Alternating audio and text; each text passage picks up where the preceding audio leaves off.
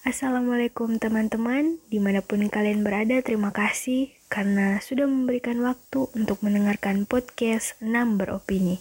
Bersama LMP Wilayah 6, kita bahas seputaran fenomena, kasus, dan psikologi. Hai teman-teman, perkenalkan saya Yulianti Ibrahim dan saya ucapkan terima kasih untuk teman-teman yang sedang mendengarkan podcast kali ini. Dan langsung saja podcast yang saya bawakan pada episode kali ini mengenai COVID-19. Apa kabar potensimu? Apakah meningkat atau menurun? Fenomena virus COVID-19 yang melanda dunia memperandakan tatanan hidup dalam masyarakat yang tentu saja berdampak besar pada seluruh aspek kehidupan. Fenomena ini tentu menjadi masalah besar yang harus dihadapi oleh masyarakat itu sendiri.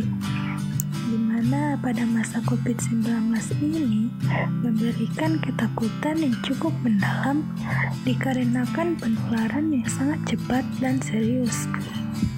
Selain itu, dampak yang sangat dirasakan oleh masyarakat yaitu adanya batas ruang gerak yang ditimbulkan selama COVID-19 terjadi. Sehingga segala aktivitas yang pada dasarnya harus berjalan secara face-to-face dialihkan menjadi daring. Hal ini tentu menjadi hambatan tersendiri bagi masyarakat dalam melakukan aktivitas dan beradaptasi dengan sistem kerja yang baru.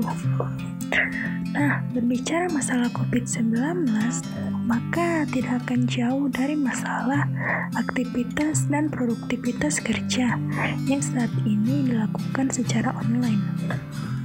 Peralihan sistem kerja yang tiba-tiba memaksa masyarakat untuk mampu beradaptasi dengan cepat. Saat ini, dampak terbesar yang dialami selama COVID-19 tertuju pada bidang pendidikan di mana para pelajar diharuskan untuk mampu mengoptimalkan dan mengembangkan diri secara mandiri. Pembelajaran sistem daring yang menjadi hal yang baru di kalangan para pengajar dan pelajar, sehingga dengan hal itu semua dituntut untuk mampu menciptakan dan mengembangkan kreativitas, inovasi, dan potensi diri. Oleh karenanya, fenomena COVID-19 menjadi sebuah ajang dalam menggali dan mengembangkan sebuah potensi diri.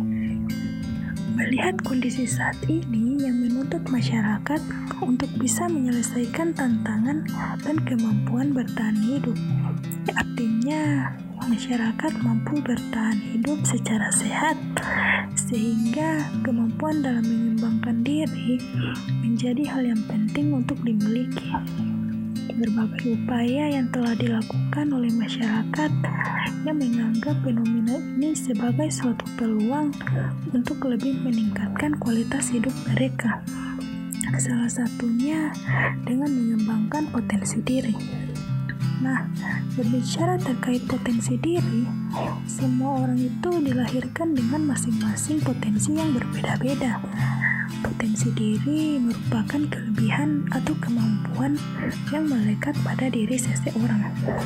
Lalu, bagaimana potensi diri itu bisa dikembangkan? Banyak orang yang memiliki potensi yang besar, namun tidak menyadari akan hal itu. Banyak orang yang memiliki potensi, tapi tidak tahu bagaimana cara mengembangkan potensi tersebut.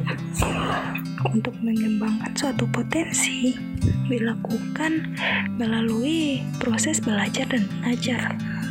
Di tengah pandemi COVID-19, yang menuntut masyarakat untuk menguasai suatu teknologi sebagai sarana dalam belajar dapat menjadi suatu peluang untuk mengembangkan potensi.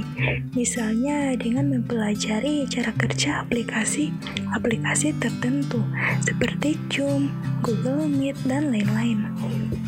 Hal ini tidak menjadi anjuran masyarakat untuk menggunakan teknologi sebagai sarana belajar, tetapi juga sebagai sarana untuk mengembangkan potensi yang dimiliki.